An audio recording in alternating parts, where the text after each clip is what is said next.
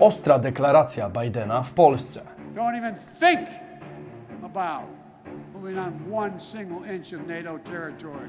Prezydent Stanów Zjednoczonych deklaruje w Warszawie obronę każdego centymetra terytorium NATO. We have sacred obligation.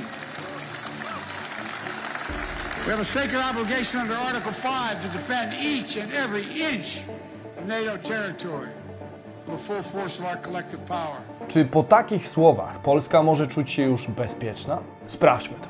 Bison. Włączeni do świata biznesu i finansów. Cześć, tutaj Damian Olszewski i witam Was serdecznie w programie Praktycznie o Pieniądzach i analitycznej serii Bizon. Aby włączyć się na stałe do świata biznesu i finansów, wystarczy subskrybować kanał. Czas to pieniądz, więc zaczynajmy. Wizyta Bidena w Polsce. Co obiecał prezydent USA?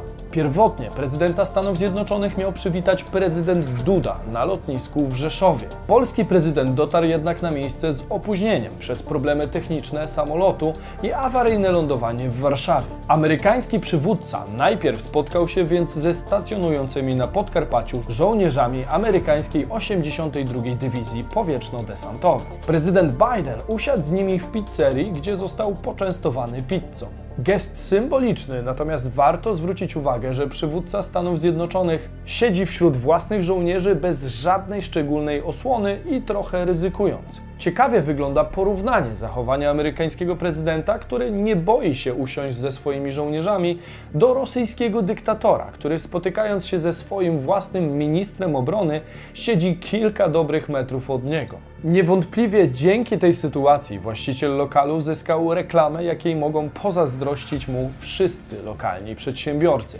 A ilość zamówień tzw. pizzy Bidena wydłużyła czas oczekiwania do nawet kilku godzin. Swoją drogą, oficjalne nazwanie tej pozycji pizzą Bidena będzie fantastycznym ruchem marketingowym. Mocne słowa z ust prezydenta Stanów Zjednoczonych padły w Warszawie, niemal w tym samym czasie, gdy na Lwów padały rosyjskie rakiety. Również można dostrzec w tym fakcie pewną symbolikę. W Rosji dobrze wiedzieli o wizycie Bidena w Polsce i atak na Lwów można odebrać jako świadomy pokaz siły.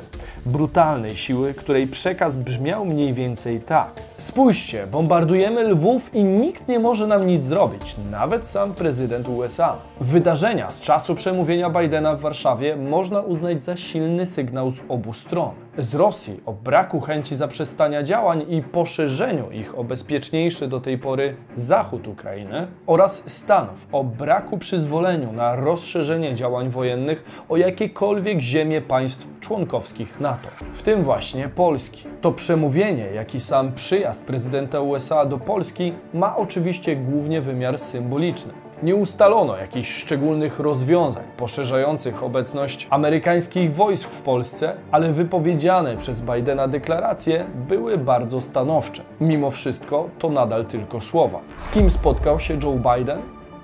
Podczas wizyty Joe Biden spotkał się z prezydentem Dudą, który ewidentnie podczas jego odwiedzin był głównym rozmówcą. Niektórzy twierdzą, że jest to pewien policzek dla Jarosława Kaczyńskiego, z tego powodu, że Biden odmówił spotkania z nim. Nieoficjalny szef rządowych rozgrywek jest obecnie wicepremierem do spraw bezpieczeństwa, czyli odpowiada m.in. za to, co było przedmiotem rozmów pomiędzy Bidenem i Dudą oraz ministrami rządu. Z drugiej zaś strony prezydent spotkał się przede wszystkim z prezydentem A z formalnego punktu widzenia bardzo rzadko zdarza się, aby pierwsze osoby z tak dużych państw jak USA spotykały się z kimś innym poza prezydentem czy premierem danego kraju. Nie skupiałbym się natomiast na tym, z kim Biden chciał, a z kim nie chciał rozmawiać, a na tym, jaki był główny cel jego wizyty i co to dla nas oznacza. Swoją wizytą amerykański prezydent potwierdził wiodącą rolę Polski w nowym systemie bezpieczeństwa europejskiego. Ta rola wyszła na jaw wcześniej, podczas wideo rozmowy Bidena z przywódcami Wielkiej Brytanii, Francji, Niemiec, Włoch, NATO i Unii Europejskiej. Rozmowa ta miała miejsce pod koniec stycznia 2022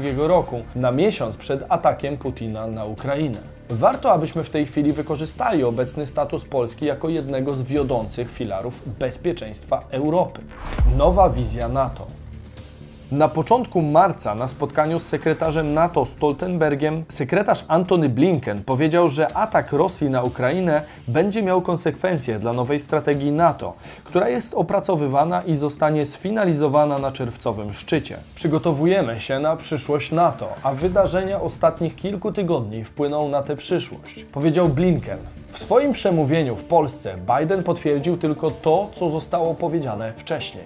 The West is now stronger more united than ever been. Russia wanted less of a NATO presence on his border, but now he has a stronger presence, a larger presence, with over 100,000 American troops here, along with all the other members of NATO. Choć nowa strategia NATO będzie znana dopiero za kilka miesięcy, warto przypomnieć, co wiemy już dzisiaj. Bowiem aktywność NATO w Polsce nie rozpoczęła się ani dziś, ani wczoraj, ani w momencie wybuchu wojny. Większe ruchy zaczęły się już po nielegalnej aneksji Krymu przez Rosjan w 2014 roku. Część obserwatorów twierdzi także, że bazy NATO w Polsce są potencjalnym celem dla Rosjan. Rozumiem skąd wychodzi ta obawa. Warto jednak zauważyć, że NATO ma bazy w całej Europie i chyba mniej bezpiecznie czulibyśmy się w obecnej sytuacji bez nich, a nie z nimi. Co więcej, jak widać po Ukrainie, celami są również teatry, szpitale i budynki mieszkalne. Kto w to wątpi, może pojechać do Mariupola lub innego ukraińskiego miasta, które jest obecnie bombardowane przez Rosjan. Przejdźmy więc od paniki do praktyki. Jak siły NATO wspierają Polskę? Według stanu na marzec 2022 roku szacunkowa liczba wojsk NATO w Polsce wynosi około 9 tysięcy żołnierzy. Ponadto większość tych żołnierzy to żołnierze 82 Dywizji Powietrzno-Desantowej USA, która stacjonuje w Mielcu. Z jednej strony tak mała liczba żołnierzy raczej nie będzie w stanie odeprzeć dziesiątek tysięcy rosyjskich jednostek w razie ewentualnej inwazji. Z drugiej strony na przykładzie tej amerykańskiej jednostki będziemy mogli zobaczyć w praktyce determinację Stanów Zjednoczonych. Ta dywizja jest w tej chwili swego rodzaju wyznacznikiem stosunku Amerykanów do polskiej obronności. Jeśli wojska amerykańskie zostaną nagle przesunięte poza granice naszego kraju bądź na jego zachodnią część, to będzie zły omen. Ewentualna walka ramię w ramię z polskimi żołnierzami to gwarancja tego, że nie zostaniemy w takiej sytuacji na lodzie. Oprócz siły ludzkiej, na początku lutego Kongres Amerykański potwierdził sprzedaż do Polski 250 czołgów Abrams. Biorąc pod uwagę, że polska armia ma tylko około 800 czołgów, to kolejnych 250 amerykańskich Abramsów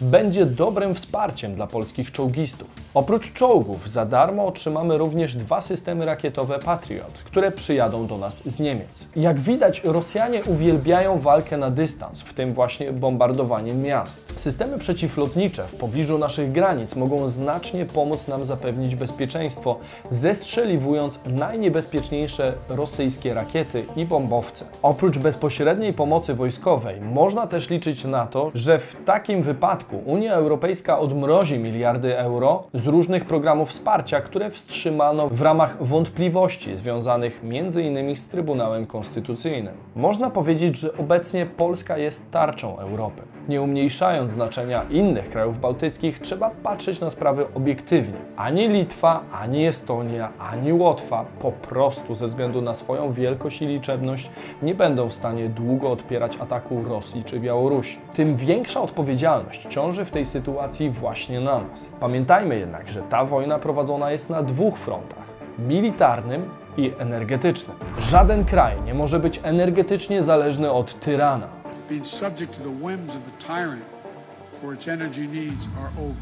They must end.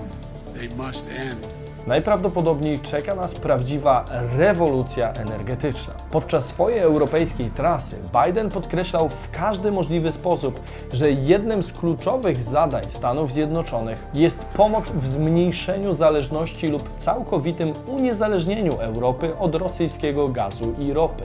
First, Europe must end its dependence on Russian fossil fuels. And we, the United States, will help.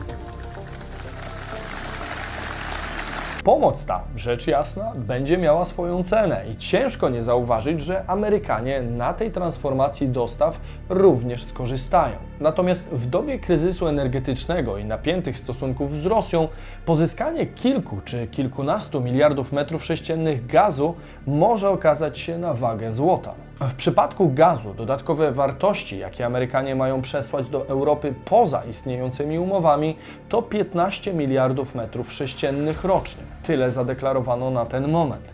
Chodzi o gaz w postaci ciekłej, LNG, który bardzo dobrze znacie, bo oglądaliście przecież odcinek o naszym terminalu w Świnoujściu. A jeśli nie oglądaliście, to możecie nadrobić zaległości tutaj. Polska też dostanie część dodatkowego amerykańskiego gazu z racji posiadania i ciągłej rozbudowy gazoportu w Świnoujściu, który w tej sytuacji może okazać się niezwykle przydatny. Potwierdzeniem tego powinien być fakt, że w marcu tego roku terminal w Świnoujściu ustanowił rekord w odbiorze gazu. Odebrano aż 5 ładunków LNG w miesiącu. To rekord, bo nigdy wcześniej nie odebrano aż tylu dostaw w jednym miesiącu kalendarzowym. Potwierdził to również prezes PGNiG Paweł Majewski. Możliwość importu LNG od rzetelnych, godnych zaufania partnerów nabiera w obecnej sytuacji szczególnego znaczenia z punktu widzenia bezpieczeństwa dostaw paliwa. Rola skroplonego gazu ziemnego w imporcie PGNiG będzie dalej rosnąć. Będzie to możliwe także dzięki rozbudowie gazoportu w Świnoujściu, w którym od tego roku mamy zarezerwowane moce regazyfikacyjne na poziomie 6,2 miliarda metrów sześciennych rocznie.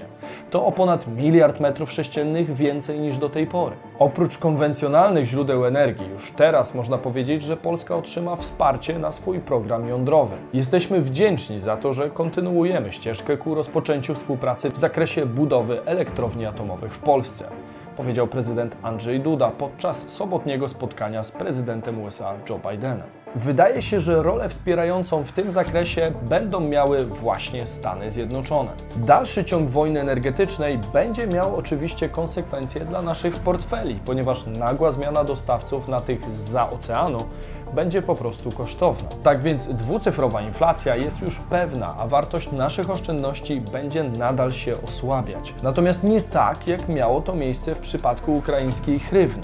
Warto wiedzieć zatem, co robić z pieniędzmi w sytuacji kryzysowej, podobnej jak ta na Ukrainie. Pytanie, czy chcielibyście zobaczyć o tym odcinek? Dajcie znać w komentarzu. Czy Ameryka pomoże Polsce?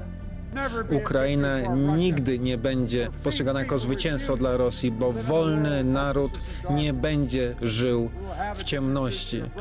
Chce mieć jasną przyszłość przed sobą, zakorzenioną w demokracji, w wartościach miłości, wolności, prawach człowieka, wolności i możliwości wyboru.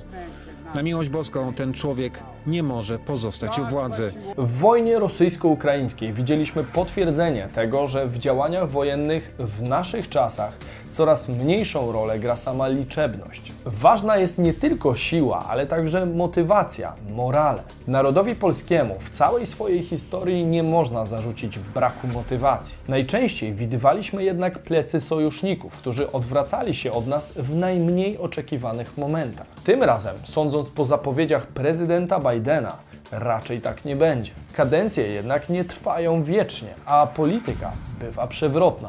Dlatego warto mimo wszystko stawiać na własne wzmocnienia armii i bezpieczeństwa kraju, na co będziemy niewątpliwie stawiać. Subskrybując kanał tutaj, ułatwiacie sobie dostęp do kolejnych odcinków tej serii, które pojawią się już niebawem. Zostawcie hashtag Bizon w komentarzu, jeśli cenicie wykonywaną przez nas pracę, a my widzimy się w sobotę i niedzielę o 15. Cześć!